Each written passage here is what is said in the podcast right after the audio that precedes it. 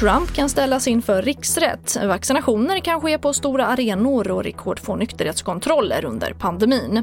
Ja, det är rubriken i TV4-nyheterna men vi börjar med att alldeles nyss kom beskedet att skådespelaren Tord Peterson har dött 94 år gammal, rapporterat DN. Peterson har sedan 50-talet medverkat i ett stort antal svenska filmer och tv-serier men mest känd är han för rollen som Ivar i Änglagård-filmerna. Och allt talar för att Donald Trump ikväll blir den första presidenten i USAs historia att ställas inför riksrätt en andra gång. Representanthuset har samlats och ska senare rösta i frågan. Anklagelsen gäller uppvigling till uppror innan stormningen av Kapitolium i förra veckan, där fem människor dog.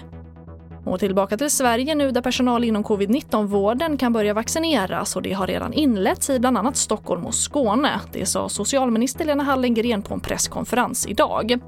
Och det kan bli aktuellt att använda sig av större arenabyggnader när det är dags att vaccinera allmänheten. Här hör vi Emma Spak, chef för hälso och sjukvårdssektorn.